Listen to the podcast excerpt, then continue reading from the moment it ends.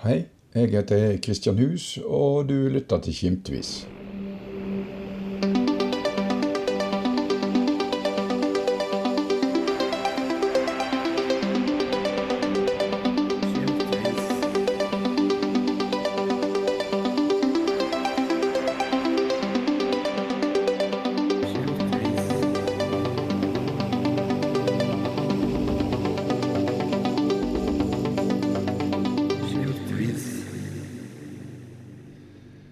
Etter et alvorlig hjerteinfarkt med påfølgende hjertestans i 20 minutter, lever Håkon nå på en måte sitt andre liv, slik mange eldre i denne serien tror på.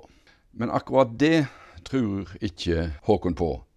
Er det slutt, så er det slutt, mener han. I dag takker Håkon både nære familiemedlemmer og noen tilfeldigheter for at han ennå er i live. Den dramatiske historien starta på kaien i Boksnes en septemberdag i 2016. Bare noen dager etter at han var kommet hjem fra en hjertespesialist med beskjed om at han ikke feilte noe som helst.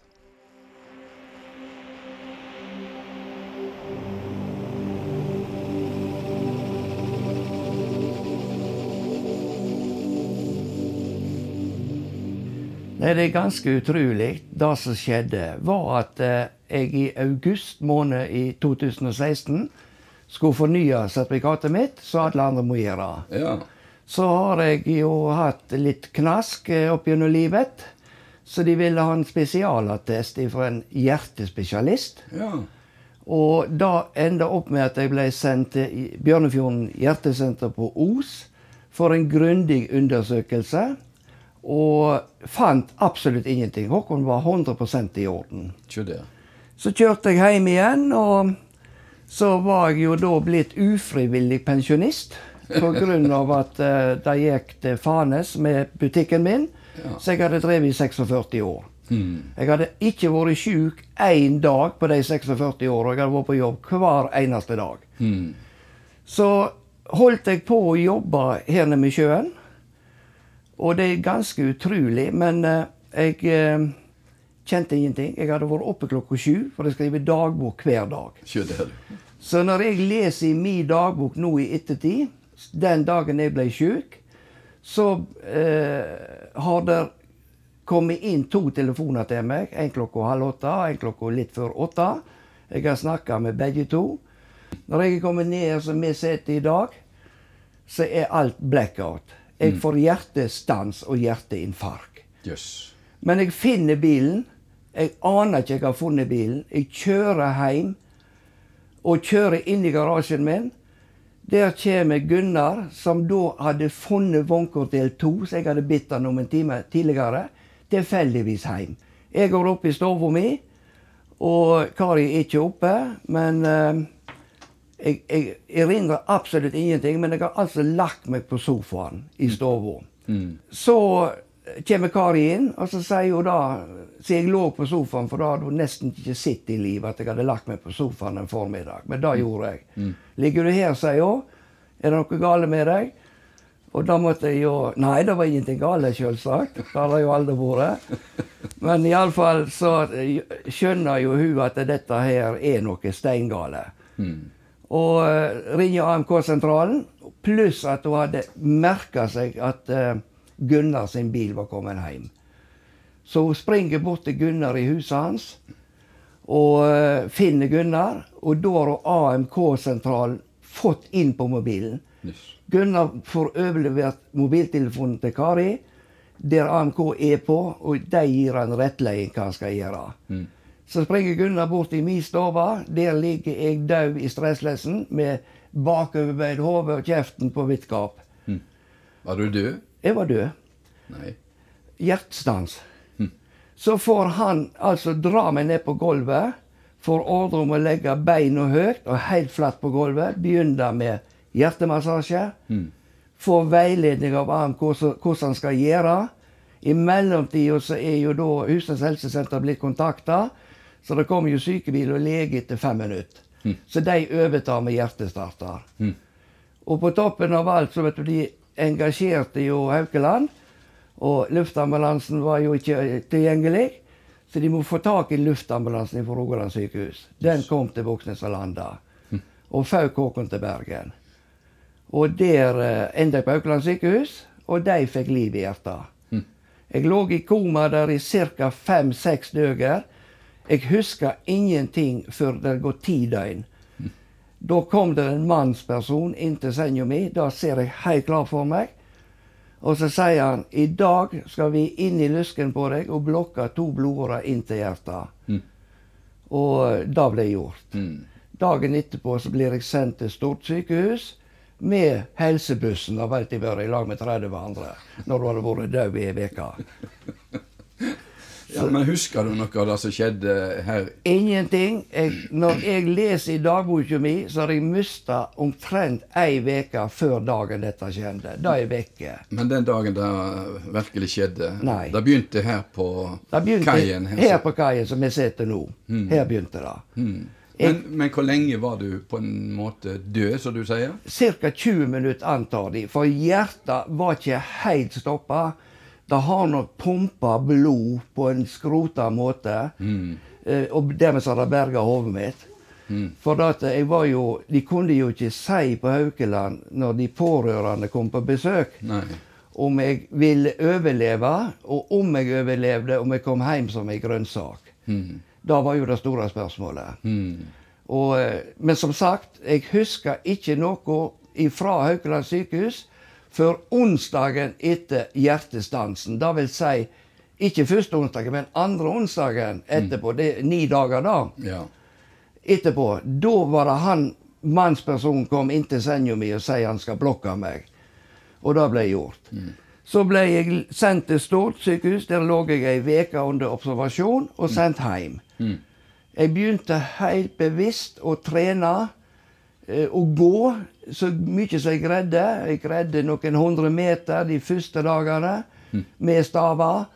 Og nå går jeg ca. 3-3,5 km. Det gjør jeg på jevne tre ganger i uka. Så jeg går en mil til uka. Håkon, vi hører av og til folk snakke om nær døden-oppleving. Var Ja. det sånn du opplevde det? Nei, jeg gjorde ikke det. Så jeg må si når vi skal forlate denne jorda, så er det en fin måte å forlate den på, sånn som jeg gjorde. For alt er svart. Ikke så jeg han med vennene, ikke så jeg han med hodna, som vi truer oss med i kristendommen. Det, var, det er helt vekke. Det, det er svart. Svart Svartsegrava. Men når du våkna på Haukeland, da, øh, hva tenkte du med det samme, og hvem så du med det samme? Var det familien din, eller? Nei, jeg kan ikke huske jeg har sett familien min. Den, hus, den første jeg kan huske på Haukeland, da er han legen som kom inn, etter ni dager. Da, ja, for hadde han, eller fortalte han hva som hadde skjedd med deg da? nei. Han bare sa at vi skal blokke to blodårer. Det er da jeg minnes. Men jeg hadde ingen forvarsel på at jeg var i den forfatning som jeg var. Jeg hadde ingen smerte. Jeg var fysisk i brukbar forfatning, vil jeg si. Men hjertet bare stoppet pga. at det, det fikk ikke nok blodtilførsel for tette blodårer. Hva har det gjort med deg, da, denne hendinga? Er du blitt mer audmjuk til livet, f.eks.? Nei, jeg er ikke det. Jeg, jeg føler Når jeg ble berga denne gangen, så har jeg noen år igjen i livet. Jeg ser ikke tilbake på alt slitet jeg har hatt, og alt jævelskap jeg har gått igjennom i forbindelse med jobben, og ansvaret for så mye folk og familier som var hjemme. Eldre folk eh, som er mye eldre enn deg, tenk, snakker ofte om et liv etter døden. Ja. Det er gjerne det livet du lever nå. Ja, kanskje det kan det være. Jeg, jeg går ikke rundt og tenker på at jeg har vært klinisk nesten død. Jeg vet ikke om jeg var død, da kan jeg ikke ha vært. Men hjertestansen er konstatert til ca. 20 minutter. Det er jo utrolig. Ja. Du må ha et sterkt hjerte. Ja, det må jeg ha. Så, eh, og det som jeg kan si, det er for det første at Kari ikke var gått på Peppes Pizza, Ja. så hun skulle møte den gamle kontorgjengen sin, var hjemme når dette skjer. Pluss at Gunnar kommer tilfeldigvis kjørende hjem med den der vognkort del 2 til den pickupen. Så tilfeldighetene er jo helt utrolige i dette tilfellet. På min side. Mm. Og da var det med det helikopteret som kom fra Stavanger òg? Ja, du må ikke snakke. En, altså det, det hender omtrent visst ikke at uh, Haukeland-helikopteret er opptatt når de har bruk for det. Mm. Men den dagen, den morgenen her, var det opptatt. Litt tilbake til eh, barndom og oppvekst, Håkon. Du er født her i Buksnesvågen, eller Buksnesteigen. Ja da, jeg hadde min første velsigning. Jeg er født 26. februar 1948. Den 29. februar 1948 var Håkon klinisk død. De fikk tak i gamle Mikkjelen, så han var prest, han var gudelav seg, var på nabogården på Røsland. Så fikk de tak i Margrethe på Leite. Hun var da sykesøster, og hun er da fadder på meg. Og Mikkel døypte meg hjemme i stua i Voksensteigen, for de var sikre på at jeg skulle dø. Av Skarlagensfeber. Nei, hva sier du? Ja. Hvor gammel var du da? Da var jeg tre dager.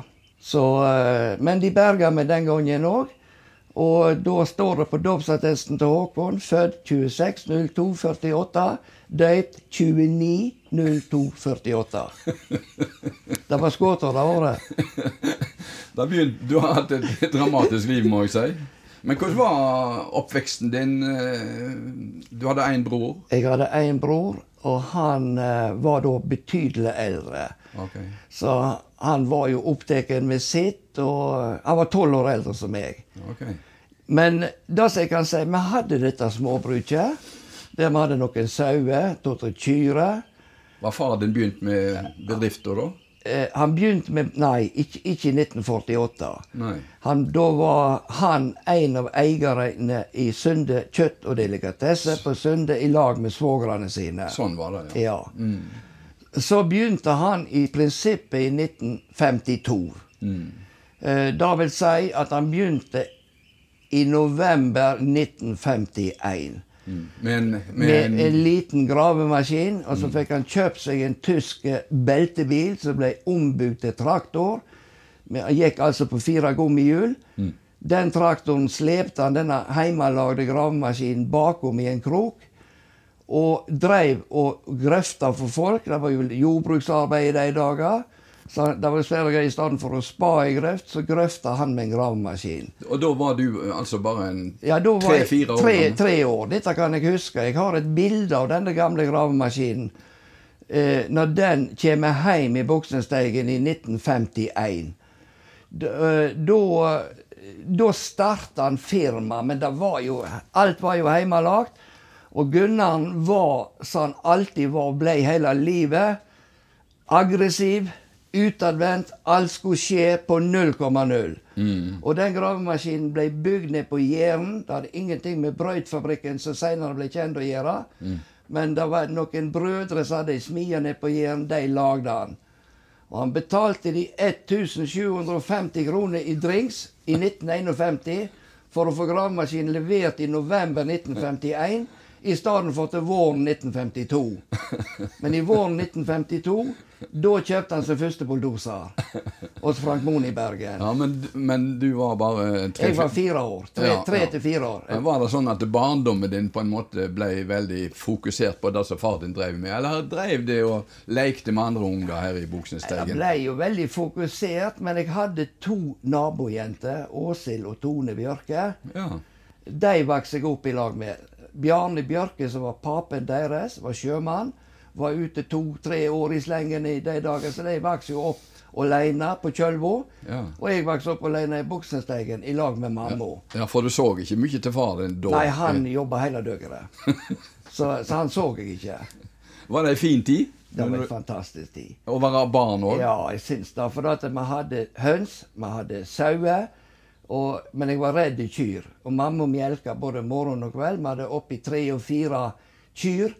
For da at han drev slakterforretningen på Sunde, på Si. Og da måtte han ha kjøtt. Så han reiste rundt på gårdene og kjøpte kyrer og kalver for å slakte. Og det gikk i sundepølsa. og han er far for sundepølsa i lag med med uh, svogeren sin Øyvind. Men oppskrifta kommer fra Rød i Uskedalen. Fra en som heter Nils Rød, som var gift med min stebestemor. Oh, ja. Men den oppskrifta er hemmelig. Den er hemmelig. Ingen har fått vite noe Nei, om den, bortsett fra hun i Rosendal som som fikk kjøpe den. Ja. Ja. Så. Så, men men han, han drog den med seg til Sunde og starta Sundepølsa på Sunde. Mm. Gikk du på søndagsskolen? Nei, jeg gikk en par ganger, og så slutta jeg. Men jeg har en spesiell historie. For eh, i 1960 var fjernsynet kommet til Norge. Og da var du tolv år. Og da var jeg tolv år. Og da hadde onkel Øyvind, slakter på Sunde, fått seg fjernsyn. For på Sunde så fikk de inn Buknasenderen i Bukten. Oh. Her i Buksesteigen var vi avhengig av uh, Ulriken i Bergen. Og Ulriken kom ikke inn her i Buksnes, blant annet. Men jeg hadde fått lov i 1960, i no, oktober-november, å komme syklende til Sonde og få se cupfinalen mellom Haugar og Fredrikstad. Som Fredrikstad vant 7-0. 7-0. Det er helt rett. Du er like god i husken som meg. Men du Men, gikk men, men det var det som var poenget. Da var dette med søndagsskolen. For Brito sto på trappa Brit, Brita Haktorsen. Brita Haktorsen sto på trappa med bedehuset på Kallestad. Når jeg kom syklende som tolvåring på juniorsykkelen min, det var buestong på den, rød farge. Og det var godt du kom, Håkon, sa Brito. Jeg hoppet av setet, trødde da jeg redde forbi Brito, for søndagsskolen betydde ingenting for meg. Det var fotballkampen som betydde noe, den måtte jeg nå. Hun sto der ikke når du kom igjen. Nei, hun gjorde ikke det. Så du gikk bare på søndagsskolen to-tre ganger? Ja, ja, jeg gjorde det. Det var, var, det var ikke min interesse. Nei. Nei. Mm. Det var litt skremselspropaganda, snakket du om tidligere i intervjuet. Ja, det var nok det. Så jeg har jo ikke vært lettskremd da, så da det er greit. Men eh, Hvordan var det å begynne på skolen da, noen år før? det var ganske spesielt, for jeg var så avhengig av mamma. Jeg var veldig knytta til mamma. Ok. Hun var ei snill jente, men jeg ble glad i mamma. Og Men hvorfor savna du henne når du skulle begynne på skolen? da? Nei, da, jeg, jeg vågde ikke gå hjem igjen. Oh. Da var det beste for meg å gå hjem igjen. du hadde jo kort vei til gamle skole. Jeg hadde noe, vel da hun fulgte meg, hun. Men jeg vet ikke hvor jeg ikke hadde vondt første skoledagen. Men det var Hva heter læreren? han het, eh, Det var Betzy Enes. Oh, ja. Eh, Seinere Nikolai Enes. Men da er det Betzy òg. Første til og med tredje klassen. Og Nikolaien hadde fjerde til og med sjuende.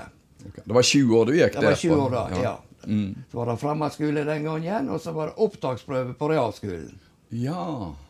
Du gikk på Valo, kanskje? Nei, jeg er første kullet som fikk lov å gå på Sunde. Det vil si Husnes realskole Sunde. Med eh, Erling Løseth som rektor, Trygve Teigen som norsklærer, hovedlærere de to. Og så ble det plukka inn lærere, masse studenter som hjalp oss på realskolen. Ja. Gikk du i tre år der, da? Jeg gikk i to år. Oh. Og så hadde vi ikke eksamensrett på realskolen, men vi hadde eksamen i sju fag etter klasse 1. Og så hadde vi i 17 fag i klasse 2. Muntlig og skriftlig. Du var gjerne en skoleflink elev. Jeg var egentlig litt for svak i matematikk. For at eh, jeg søkte på real, reallinja på gymnaset på Stord. Og kom ikke inn, men jeg kom inn på naturfaglinja, for jeg var språksterk. Mm. Men jeg hadde ikke interesse av språk. Men det, det var reallinja jeg ville gå. Jeg ville ikke skaffe, tulle vekk tre år på en, en klasse som jeg ikke så jeg hadde bruk for. For jeg var allerede da blitt forespeila mitt yrke Av far din. av far min. Han kommenterte sånn er det, Håkon. Ok. Men da var du Og da var jeg 16 år. Så enda det opp med at eh, jeg kvidde meg som ei bikkje. For jeg var kommet inn på gymnaset på Stord, men på naturfaglinja. som du ikke ville gå på. Ikke ville gå. Jeg sendte, skrev, håndskrev brevet mitt og takka nei til plassen på Stord gymnas. Søkte på Hallaråker handelsskole i Norheimsund og skulle reise hjem igjen og bo på hybel. Og så sier Gunnaren til meg Hva mener du med dette, Håkon? Nei, ikke noe annet enn at jeg har lyst til å utdanne meg til noe som jeg kanskje kan få interesse for seinere. Og så ble det til dette, men han var forbanna på meg at jeg ikke begynte på gymnaset. Mm. Men jeg tok et år i Norheimsund, barneskolen. Den fikk jeg veldig nytte av. Og så gikk jeg på forkurset på, Berge, på Stavanger fagskole, som det heter. Mm. Og begynte der to år etterpå. Mm. Og Militæret, da? Kom militæret, der var jeg blant de heldige, for jeg var ikke noen militærmann. Nei. Men du kan si 1948, da var, var de åra som de rekrutterte veldig mye folk til Heimevernet. Ja. Som skulle stå ifra de var 23 til de var 44 år.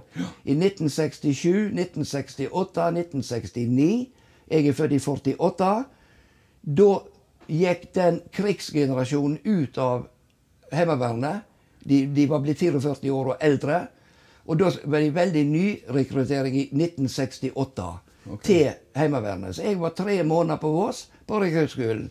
Og det, det var en rekruttskole for heimevernssoldater. Men du fortsatte i Heimevernet i alle år? Ja, i en del år, men så fikk jeg trøbbel med synet mitt. Oh. Jeg hadde 100% syn ved sesjon i 1967. Hadde 100% syn med eh, matrikulering, er det vel det heter, når de tar deg opp, Mm. i 1968. Og noen måneder etterpå så ser jeg ikke. Oi. Og jeg ble, Den gangen òg var jeg skikkelig dårlig, for jeg fikk koppervaksinasjonen. Og den hadde jeg ikke fått som barn. Så jeg fikk altså nesten 42 i feber. Lå uten tilsyn på brakka på Voss i ei uke i 25-30 grader. Det var en fenomenal sommer i 1968. Det var praktisk talt ikke regn fra mai til august måned.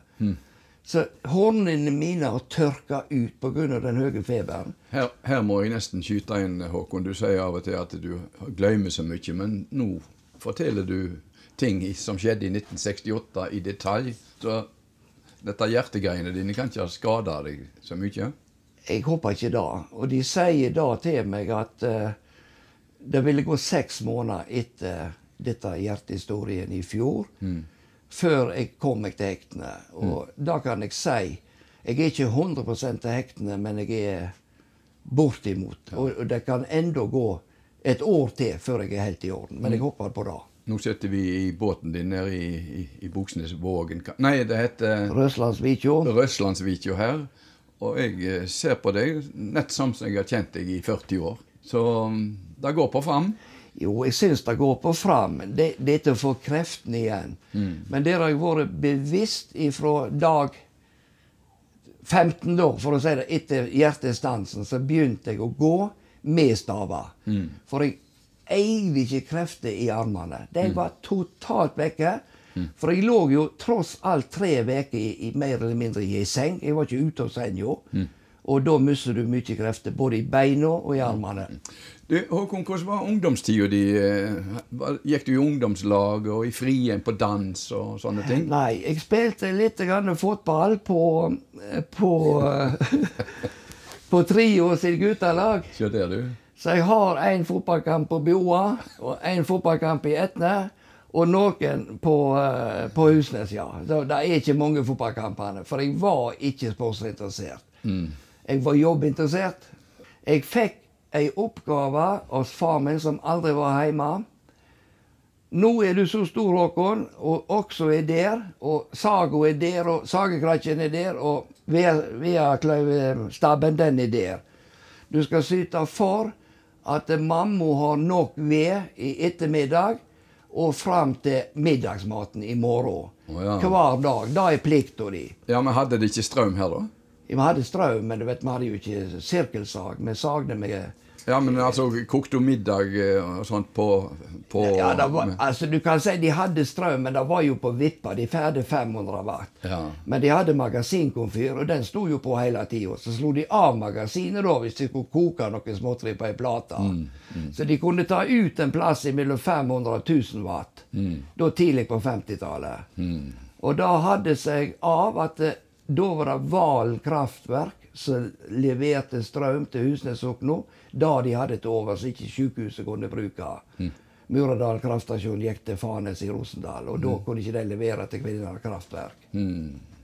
Men du, ungdomstida di, da? Var det et godt miljø på Husnes den gangen? Da kan vi si var veldig godt. Vi hadde alltid forbilder. Mm. Og hvem var ditt forbilde? Da var jo de tre guttene på Kaldestad, som da var eh, sju-åtte år eldre som meg. Da var Arne Fjellandsbø. Da var, eh, da var Sibben, som jeg sa, Sigbjørn Røsland. Og da var Gustav Fjellandsbø. Altså begge brødrene Fjellestad og Gustaven. De fikk seg motorsykler. Var det derfor de ble Da forbilder? ble forbilder. For de kjørte forferdelig fort. De kjøpte seg Java, og da var Java CZ. Og da var eh, Ja, så var det ett forbilde til, og da var Leifen på Grønstøl, for han hadde tempo. Oh, ja. Ja da. Det var, i- det var i motormiljøet, Det på var i et motormiljø, ja. Og det, dette er da fra sånn ca. 1905-6-7-58 Å ja. og, og fremover. Da, da var det da i, i min tiårsalder, så ble det ungdomsalderen. Da var det jo nye generasjoner som kom til. Og jeg fikk meg en motorsykkel, blant annet. Pluss at jeg ble kjæreste med kona mi. Så tidlig? Ja, ja. Hvor gamle var det da? Det var 15 år. Hvordan skjedde det? Nei, da, Jeg ble jo veldig forelska i Kari. og Hun var jo nybygd da, for at eh, foreldra var kommet til Husnes og er siste forpakterne på Lundagarden. Og der er òg en litt spesiell historie som betyr en del for meg. For at min kone Kari er blant de siste forpakterne, altså vokst opp på gården. Mens den første forpakteren på Lundagarden i 1923 er min bestefar Gunnar på Røsland. Da var han blitt enkemann med ti bånd, og greide ikke brødfødd ungeflokken på ti hjemme på Røsland. Så sendte han de tre eldste guttene til Lundagarden for å drive den som forpaktere. Men i navnet så var det bestefar Gunnar som var den ansvarlige overfor Holfert Lund. Så de er de første forpakterne, og Kari er blant de siste. De kom fra Skjold, prestegarden i Skjold. Ok. Ja. Og hvor lenge drev de der, da? De drev da, det var alltid femårskontrakter da. Og wow. da kan du si at eh, bestefar var der fra 1923 til 1928. Sandvik, min svigerfar, var der fra 1960 til 1965. Oh, ja. Men hvorfor gikk du på gården da? Når, Nei, du kan si Kari var like gammel som meg, så vi gikk for lærer Enes i lag i 7. klassen. Så splitta de oss på framhaldsskolen i Valå. Jeg gikk i én klasse, Kari i den andre. Men vi hadde gått over til en annen. Ja. Og så var det opptaksprøve når vi skulle begynne på realskolen på Sonde i 1965. Da var det tatt opp kun én klasse, og dermed så kom Kari og meg i lag. I den klassen som på Sunde. Og det er altså nå da er 62 år siden. Du ber. Ja, det har holdt i lag i Vi 62 har, år. ja, vi holdt lag med oss i 1964-65. Så vi var 14-15 år når vi begynte. Og da det første året så hadde vi måtte ha fem kilometer for å få krav på skolebuss, eller skoleskyss. Så første året da vi begynte høsten i 1965, så sykla vi. Jeg hadde fått meg ny sykkel til konfirmasjonen. Eh, etter en arv etter bestefar på Sonde. Så jeg hadde sykkel. Kari stakkar hadde ikke sykkel, men mamma, mor hennes, Jorunn, hadde fått seg ny sykkel, og den fikk Kari låne. Så det sykla til, Vi sykla i lag. til, til Valo Nei, du, nei, nå snakker jeg om realskolen på Sunde. på Sønde. På, på eh, framhaldsskolen i Valo. Ja. Da var det skolebuss, for det var ti kilometer til Valo. Ja. Da hadde vi krav som ble, ble kjørt på, på skolen i Valå. Og da hadde vi fem dagers teori i Valo. Nei, vi hadde fire dagers teori i Valo og to dagers praksis i håndarbeid på yrkesskolen på, på Psonger. Tidligere Johannes, eh, Johannes Pressen kjøpte til, til eh, verkstad. Da var den gamle yrkesskolen på Psonger. Er du og Kari konfirmert i lag òg? Ja da.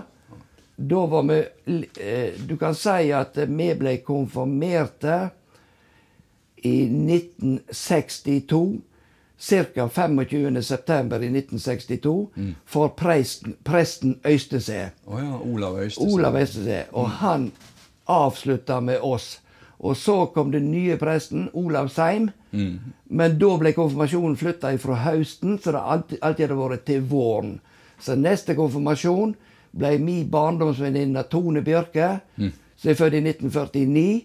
Hun er konfirmert i mai i 64 av Olavsheim. Altså ett og et halvt år imellom siste konfirmasjon og neste konfirmasjon. Gjorde denne konfirmasjonstida noe med deg? Tanken eh, på Nei, jeg var bare så forbanna på alle salmevers som vi måtte lære. Og vi måtte spandere hele sommeren var vi fastlåst til konfirmasjonsforberedelse. Det var ikke tid til å ta konfirmasjonsforberedelse på skolen i de dager. Men vi gikk der fra 25. juni til ca. 30. august. Hele sommeren? Hele sommeren i bedehuset på Sonde. Men var det stort sett å lære salmevers det drev med? Det var stort sett det de gikk på. Pugging av salmevers. Det var det de gikk på. Hadde fem til ti salmevers som vi skulle kunne på fingrene. Og med ett til ti vers på hver eneste salme. Hmm. Hvor gammel var du når eh, far din sa 'Nå, Håkon, er det din tur til å overta'? Nei, da, da sa han, når han ble klar over at jeg ville begynne å utdanne meg innenfor anleggsteknikk, Ja. så sa han at uh, jeg har et problem, Håkon, for jeg har vært eneeier. Men du har en bror, og hva skal jeg gjøre? Mm. Dette, og guttene var eldst. Så guttene hadde jo sånn sett, etter arven, gjerne mer krav på det. Eh, hvis en skulle fortsette å tenke og drive forretning, sånn som egentlig han så for seg var livet sitt. Men så kan du si jeg eh, fikk den sjansen, eh, og kom meg til Stavanger og utdanna meg innenfor anleggsteknikk og byggeteknikk. Og da ble egentlig valget litt lettere for far min, for at Håkon han har utdanning. Du gutter har ikke utdanning, du har realskolen. Men eh, du er en flink, praktisk mann. Du går ut i felten og kan være formann. Og du kan kjøre maskiner, noe jeg ikke kunne. Jeg har jo lært meg for så vidt til å kjøre, så jeg kan hjelpe meg. Men jeg fikk aldri tid å bli opplært maskinkjører. Men jeg har sertifikat for å kjøre alle typer maskiner. Jeg har kranførerbevis på både mobilkran og byggekran. Sprengningssertifikat og alt som skal til. Det har jeg eh, intakt, eller har hatt inntak helt til nå. Litt tilbake i tid. Du var jo 14-15 år når Søralv-utbygginga kom i gang. Ja, ja. Ja. Det var ei svær omvelting i bygda her. Ja, det var en fantastisk omvelting. og dette var jo Det var jo som julaften og, og, og, og alt på en gang, vet du. Når, når de kommer til landbulldoserdrift fra Hadeland. De kom med fem nye Skandia-lastebiler. Skandia 75. Til deres firma. Nei, det til AS Betongbygg som fikk grunnarbeidet for Søral. Og så delte AS Betongbygg grunnarbeidet, altså disse, hele tomten der hallene, støperiet og alt står, den ble delt i to, den jobben, av Betongbygg. Og Landbulldoserdrift fikk søndre delen. Eh, Gunnar Røsseland fikk nordre delen. Var det, var det den tida som gjorde at firmaet på en måte vokste? Ja, det var da firmaet vokste. Du kan si Gunnar var jo Far var jo etablert med sitt firma. Hadde en fire, fem, seks mann i arbeid. Ja, men det var ti år før Sørald begynte? Det var ti år før. Så, så han var for så vidt etablert som en maskinentreprenør. Og hadde vært engasjert veldig med Aker, det som heter Aker Stord. Det var jo kjøttet i de dager. Ja. Med dokken på Stord, blant annet, har jo Gunnar vært med og lastet opp hele den første dokken. Og, og utearealet til alle hallene som ble bygd på Stord verft da i, i 19, midt på 1950 til 1960. Så uh, Men, men du, var, du bodde hjemme da og fikk oppleve denne Ja, jeg, jeg gjorde, Anleggstida? Ja, fikk oppleve anleggstida. Det var veldig interessant, for at far var engasjert med jobben. Og ikke bare med jobben, men òg politisk. Politisk. Han var det, ja. Mm. Han var veldig engasjert i Husene-samfunnet? Veldig. Han var interessert i utvikling av samfunnet, og, og dette så han at jeg må velge det sterkeste partiet i Kvinnherad. Han valgte Senterpartiet.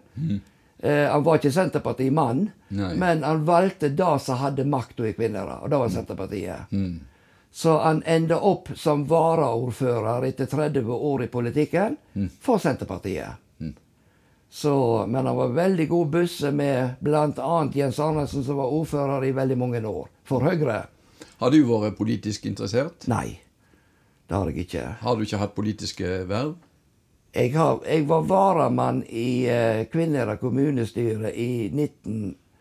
Sek, 19 81 til 1985. Men det var ikke noe for deg? Nei. Jeg var, mm, jeg var, jeg var vel åttende Høyre gikk inn med ti mandat, så vidt jeg husker. Mm. Og jeg var vel varamann nummer ni. Ah, ja. Men jeg møtte på mange møter, for nummer én og nummer to oppover det hadde ikke tid. Men noen kunne de ringe til, og han kom. Selv om du hadde et firma å tenke på? Ja, stemmer. Mm. Ja. Mm. Jeg har av og til hørt du har fortalt om eh, eh spesiell historie når de bygde butikksenteret. ja. Det var visst litt av ei hending. Det var en svær hending, for dette her var høsten i 1966. Eh, og det var jo en regnhaust de luxe. Så skulle en grave ut tomten eh, for butikksenteret, for det var dravkjør, for det skulle åpnes 11.11.67. Punktum. ja. Det var startsignalet. Og dette var jo før bakføra var funnet opp på lastebilene. Og Bernt Njøra, da, så han var med og kjørte, og han hadde ei og ei halv sidefjøl. Han hadde ei hel lengde på ene sida og ei halv lengde på i sida. Men massene i butikksentertomten, da var egentlig som ja, så, så gris eller tjukk olje. Så bløtt var det. Og så vet du, de, Vi skulle jo kjøre det en eller annen faens plass. Jeg har nå glemt ut hvor det ble kjørt. For du vet, det lå jo igjen, det, det var ikke mer igjen på lastekammen når de kom til tippen, for da lå vi i veien. For det rant jo av bilene. Men så, vet du, her var gode råd dyre. Så var, hadde Gunnar tre bulldosere. Og da ble de henta hjem og sett på en natt. Og da begynte de å dose denne flytende massen ifra det som er parkeringsarealet bakom Husnes butikksenteret, pluss det som den såkalte C-blokka ligger.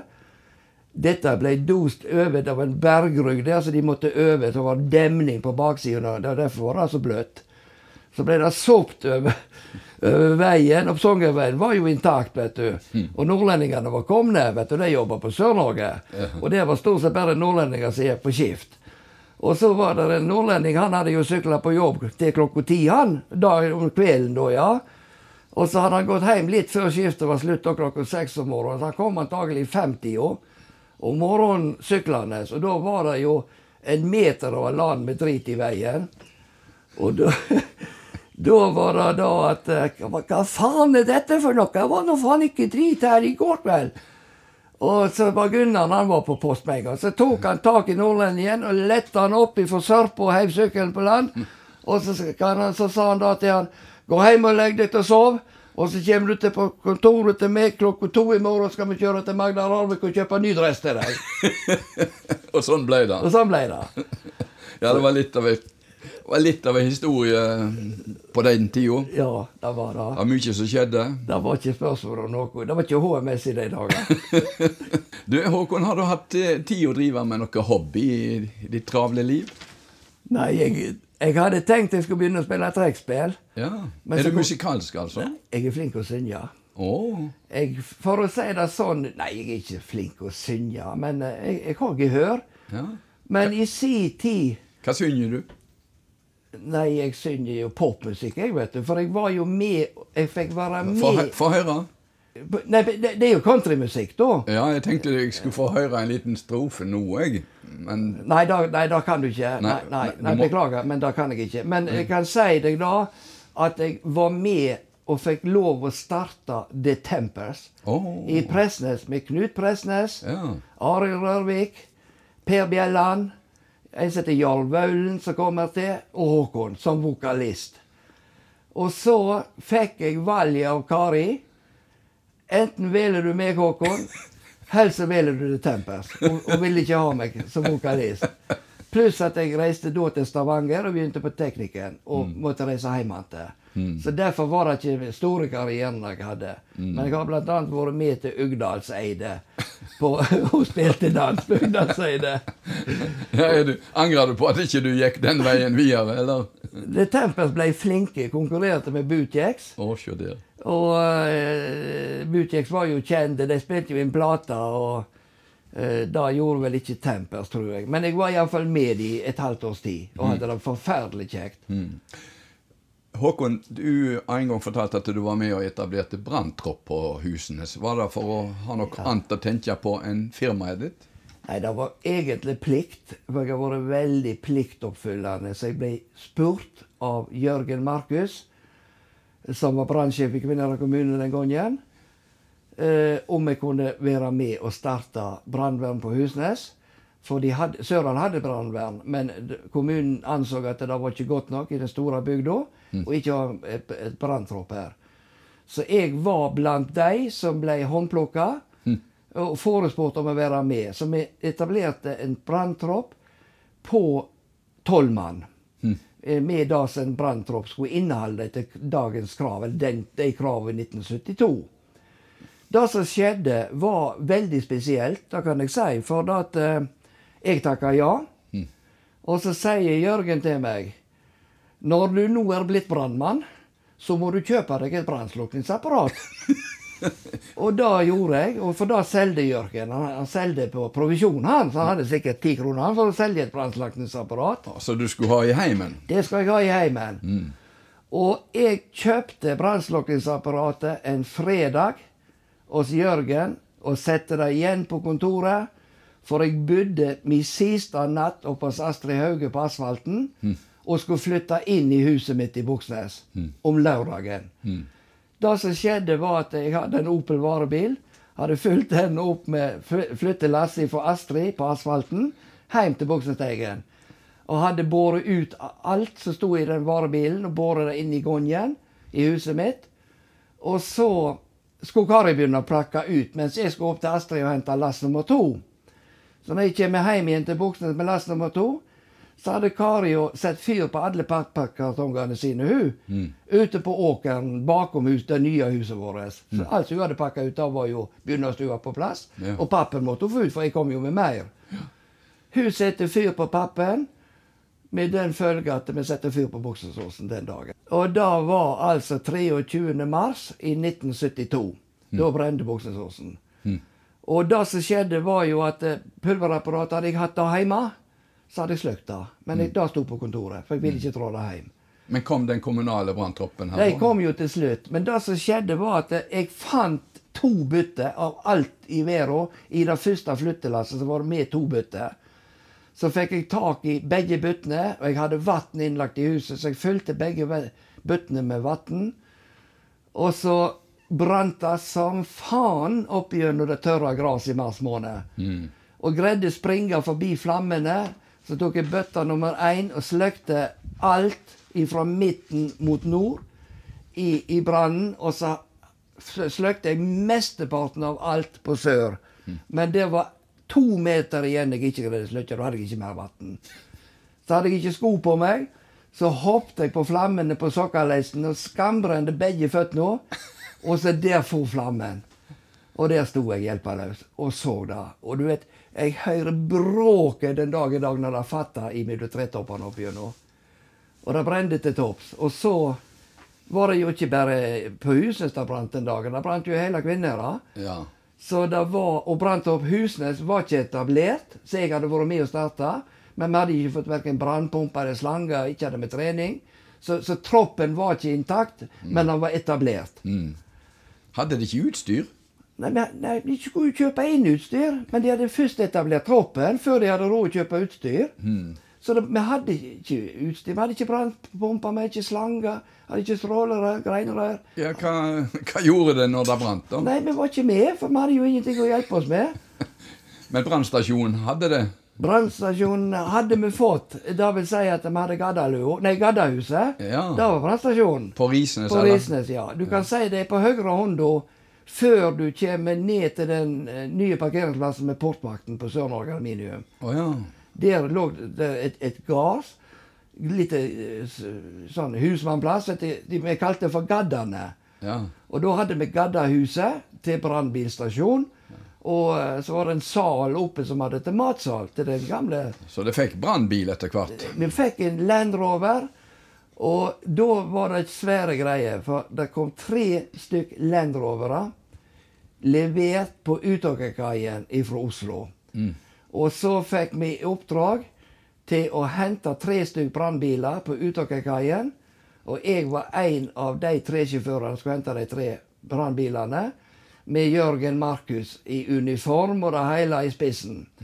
Da kjørte vi med blålys og sirene fra Utåker til Buksensteigen.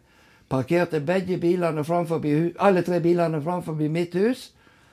Og jeg hadde jo vin i kjelleren, så jeg pleide alltid å sette vin. Og da ble det drukket kirsebærvin da den natta etterpå. Og da sto det tre brannbiler, nye Land Rovere, parkert utenfor huset til Håkon og Kari. Det var litt heldig at det ikke var brannutrykning den, den natta, da. Men da kom det én bil til Rosendal, én bil til Husnes og én bil til Halsnøya. Okay. Ja. Hvor mange år var du med i brannvernet? 20 år. Oh, det var ei rivende utvikling. Ja, det var det. Det var ei interessant, kjekk tid. Men hadde du tid til å være med på dette når du drev firma? da? Nei, det var det som ble problemet, for vi ble pålagt vaktordning. Oh. Og det skjedde i 1972. Og da kan jeg si deg da at jeg postla søknad eh, eh, Postla oppsiginga mi. Den postla jeg 26. februar i 1900 eh, 82. Mm. Eh, det gjorde jeg. Da hadde jeg vært med i 20 år. Mm. Og da eh, Da tenkte du at nok er nok? Nok er nok. Mm. Så mangla de det, Vi var litt på defensive mannskapsmessig. Vi var jo nede i en åtte mann på det minste, og da ble det jo mer på oss åtte enn om vi skulle være tolv, som vi egentlig var. Mm. Så eh, det som skjedde, var jo òg en fantastisk historie. Det var når jeg sa opp, og jeg hadde tre måneders oppsigingstid, trodde jeg. Så jeg, jeg, hadde egentlig sagt meg opp. Jeg hadde postlagt det 26. februar på hjemmedagen min. Og mars, april og mai skulle egentlig slutte i juni. Så ringer Jørgen, som var, vi kalte han for obersten. Og så sier han da, Håkon, nå har du vært en tru tjener for Kvinnherad kommune i 20 år. Du kan tre av i dag. Jeg takker ja. Mm. Og så gikk det tre måneder, så ble det sett fyr i fjellet på Utåker. Mm. Og så ringer Jørgen. Kan du, kan du, være med? Nei, men jeg har sagt opp, sier jeg. Nei, men kan du ikke være med til vi får tak i nytt mannskap? Vi mangler folk, sier han. Mm.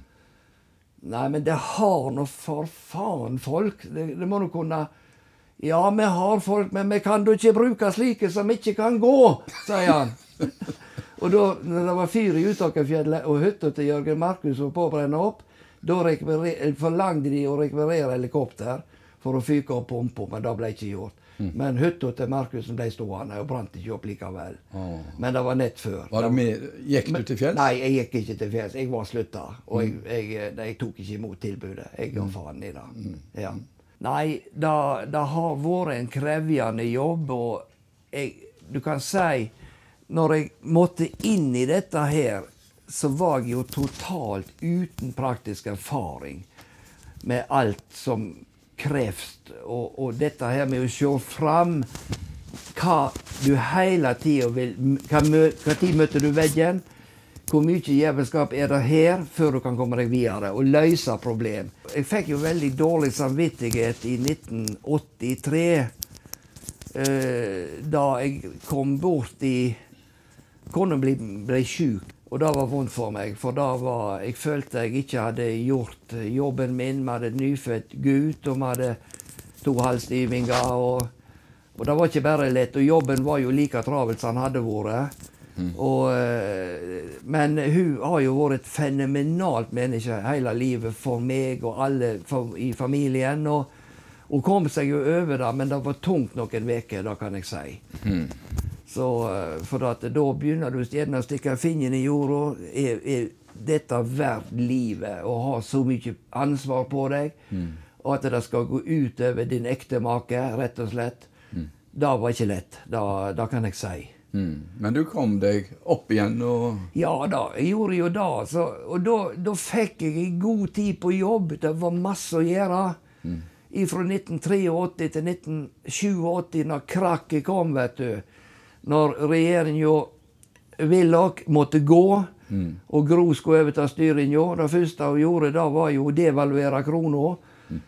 Med de følger det fikk for 87. Da, da var det jo bortimot Kratchi på børsen i New York i 1929 som kom til Norge. Mm. Og det datt ifra Vi trodde alt skulle vokse inn i himmelen, og da datt det fra himmel til helvete, egentlig over natta. Ja, det var hele Norge knea. Mm. Ja, Begynte det en slags nedgang for firmaet deres? Ja, det, det gjaldt jo hele næringslivet i hele Norges land da. Mm. Når hun devaluerte krona med 15% vet du. Mm. Så, og, og, så Nei, det var, det var ei forferdelig tid, altså. Da sleit vi noe jævlig, altså. Mm. Men vi berga Men da hadde vi tre-fire år sammenhengende med nedgangstider mm. i, i, i, i, det generelle næringslivet i Norge. 125 000-30 000 ledige. Alt dette miraklet som ville følge. Mm. Så fikk vi en liten oppgang igjen da i 92 og framover til 95 så hadde vi nedgang igjen. Så vi fikk ikke den der såkalte jappetida tilbake, heldigvis. Mm. Der alt skulle. Så Jappetida starta jo når Willochen kom til makta i 1983. Hvor mange folk hadde du i arbeid på det meste? Jeg hadde jevnt over på det meste 80 mann med meg. Mm. Så så jeg når jappetida var over, da i 1987 da gikk det til helvete. Altså, da, da brente jeg opp alt av kapital jeg hadde lagra mm. for å kjøpe meg arbeid. For mm. jeg trodde at vi hadde jo hatt nedgangstider før da òg. Men eh, jeg trodde jo da at det måtte jo snu, men det snudde ikke. Men jeg trappa ned konsekvent fra 50, eller ned mot 50 mann. Så fikk jeg min jævligste dag på jobb når jeg endelig innså elendigheten som samfunnet var inne i. Da var at jeg sa opp 20 mann og permitterte 20 mann en fredag ettermiddag. Det var tungt? Det var tungt når jeg gikk i posten og posta Sara Rarvik den fredagen så sendte jeg 40 brev med permisjoner og oppsigelser. Mm. Pluss at permisjonsloven var blitt forandra fra 52 uker, som hadde vært siden rundt 1950. Mm. Så reduserte de permisjonstida fra 52 uker til 12 uker. Da mm. hadde du lønnsplikt. Om du hadde mm. penger eller ikke, var ingen som spurte om. Mm. Men du hadde lønnsplikt. Men jeg tok konsekvensen av å si opp 20 og permittere 20. For jeg, ellers var det til å legge ned. Og jeg hadde ikke tenkt å legge ned. Jeg ville prøve. Så kom jeg oss sakte, men sikkert til hektene, sånn at jeg fikk ta inn noen av de permitterte, og noen slutta. Mm. Men jeg hadde da ansvaret for ca. 25 mann.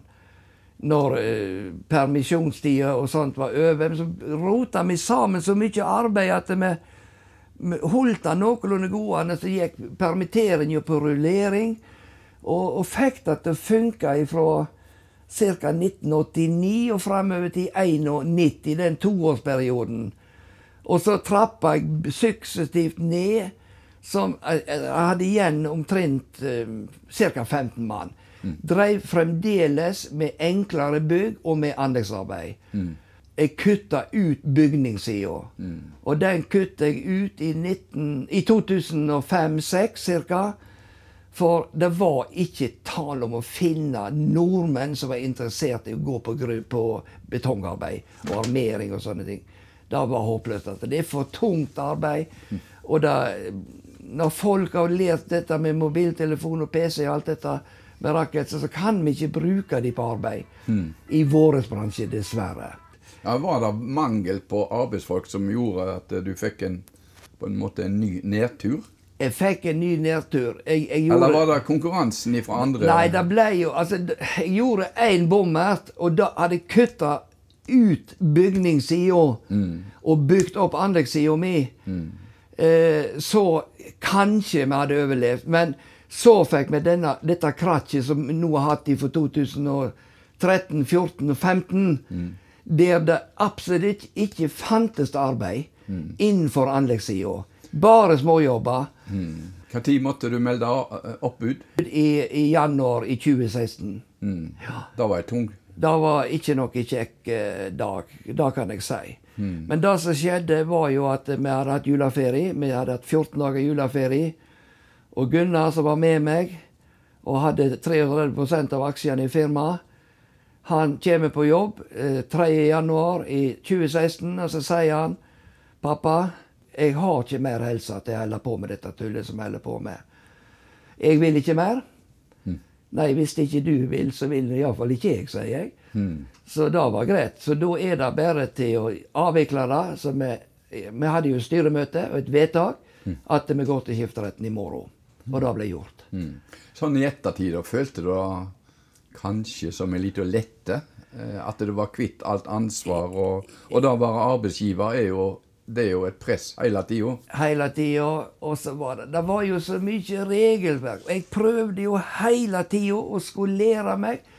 Og jeg hadde alle autorisasjoner intakt. Alle sertifiseringsordningene våre var intakt. Men du vet, du, du kan ikke holde på med dette her når du ser på nivået som Lotepus holder på med. Nei. Det, det er jo det nivået jeg må konkurrere på. Og da nytter det ikke, hvis du skal følge det norske lovverket som Ap har innført. Sånn er det. Så det var ei tunge tid uh, når vi bestemte oss, men eh, Sett i ettertid, da, så var det gjerne rett i år. var, da, da det var, vi skulle ha gjort det for ett år, to år siden. For da hadde jeg fått gjort opp for meg. For det som sliter på meg nå, da er at det er en del kreditorer som ikke får det de skal ha hos meg. Og det, det tynger meg, for å si det rett ut. Ja, det gjør det. For da Jeg har aldri lurt en mann for ei krone. Og nå Jeg har ikke lurt det nå, men jeg har ikke midler til det. Jeg har brent opp alt jeg har av privat kapital. Da gikk jeg inn i firmaet for å prøve å løse floken. Det greide jeg ikke. Men det var et aksjeselskap. Det var, ja, jeg Så ikke du, du sto ikke personlig ansvarlig? nei nei da. Jeg, jeg, Men likevel så følte du at det var vondt? Og, jeg hadde drevet det elleve år for faren min fra 1970 til 1981. Og så døde han i 1981, og da starta jeg mitt private aksjeselskap. 1981. Okay. Så jeg drev Gunnar Røsseland Entreprenørforretning AS. Da drev jeg med 100 aksjeeier. Ja. Fram til jeg ga 33% av mine 100 til sønnen min Gunnar.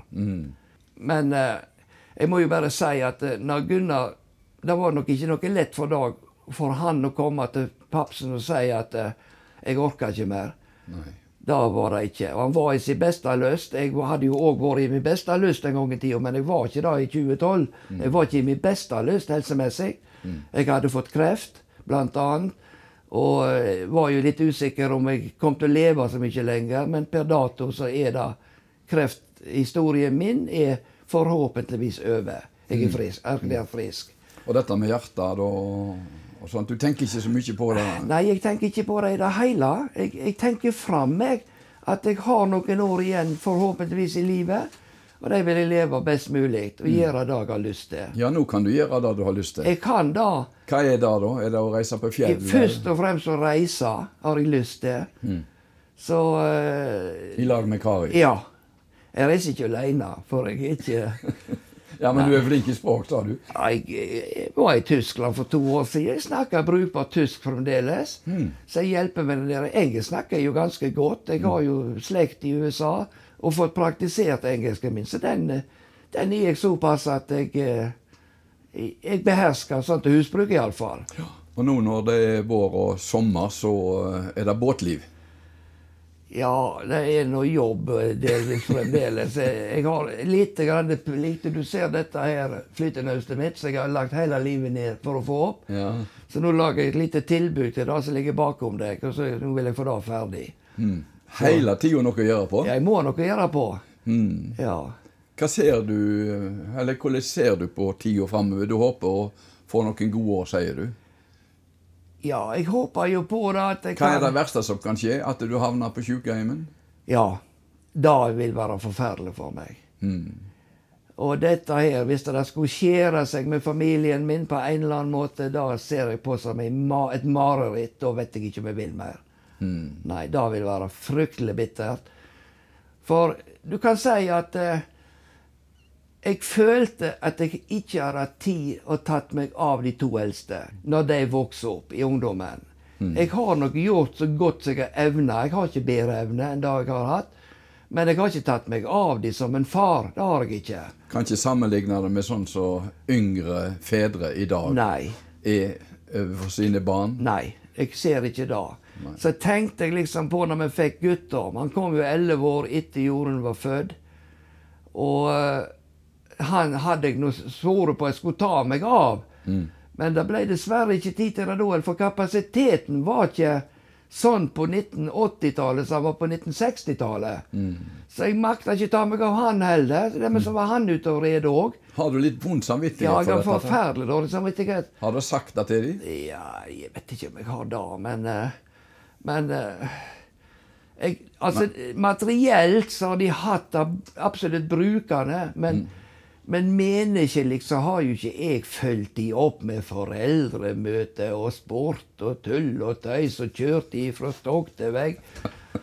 Så Ja, men var det ikke sånn det var, Jeg ser nå med gutter hos meg som tar seg av sine barn. Ja. Men han har jo ikke tid til det som jeg holder på med på fritid. Og han vet han må passe unger, han. Koke middag og vaske opp. Sånn er det bare. Hadde ikke gått og drevet eget firma på Nei, iallfall ikke sånn. Og det var det de ikke gjorde nå heller, for at, eh, nå er det HMS og Gumbe. Vet du ikke hva det ikke er? Du får være glad du slipper dette. Håkon. Jeg er sjeleglad. Jeg er så inn i helvete glad. Men jeg må ha noe å bale med. Ja, Og det har du. Ja, enda har jeg det. Så Det er ma- mange e- eiendommer å ta deg av. jeg har det. Jeg har altfor mange. Et alvorlig spørsmål, Håkon. Du har vært nær døden, og du har vært død. Ja. Hva, hva tenker du på Tenker du på slutten på livet? Nei, jeg, jeg tror det er svart. Med, er vi døde, så er vi døde. Hmm, Du har ikke tro på et liv etterpå? Absolutt ikke. Det har jeg ikke hatt hele livet. Nå har jeg fått opplevd det. Det er ingenting etter døden. Det er over. Det er ingenting å kvie seg til. Sånn er det. Håper en slipper li. Hmm. Det sier de fleste eldre jeg snakker med. Ja. De håper på at det må skje smertefritt. Ja. Og da er det slutt. Eller er det sånn med deg som mange andre at en skyver dette spørsmålet framfor seg? Nei, jeg, eh, jeg har jo til en viss grad skjøvet det framfor meg. Men etter det jeg opplevde nå i september i 2016, så har jeg bare tenkt som så at eh,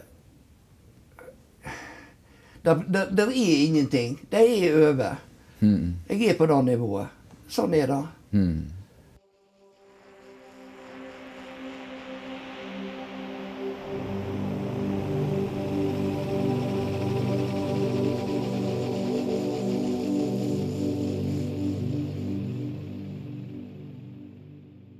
Takk for at du lytta til Kimtvis. Abonner gjerne på podkasten i podkastappen din, og finn flere intervju og andre saker på nettstedet skimtvis.no. Der kan du òg melde deg på Nyhendebrevet, så får du melding om nye saker på e-post.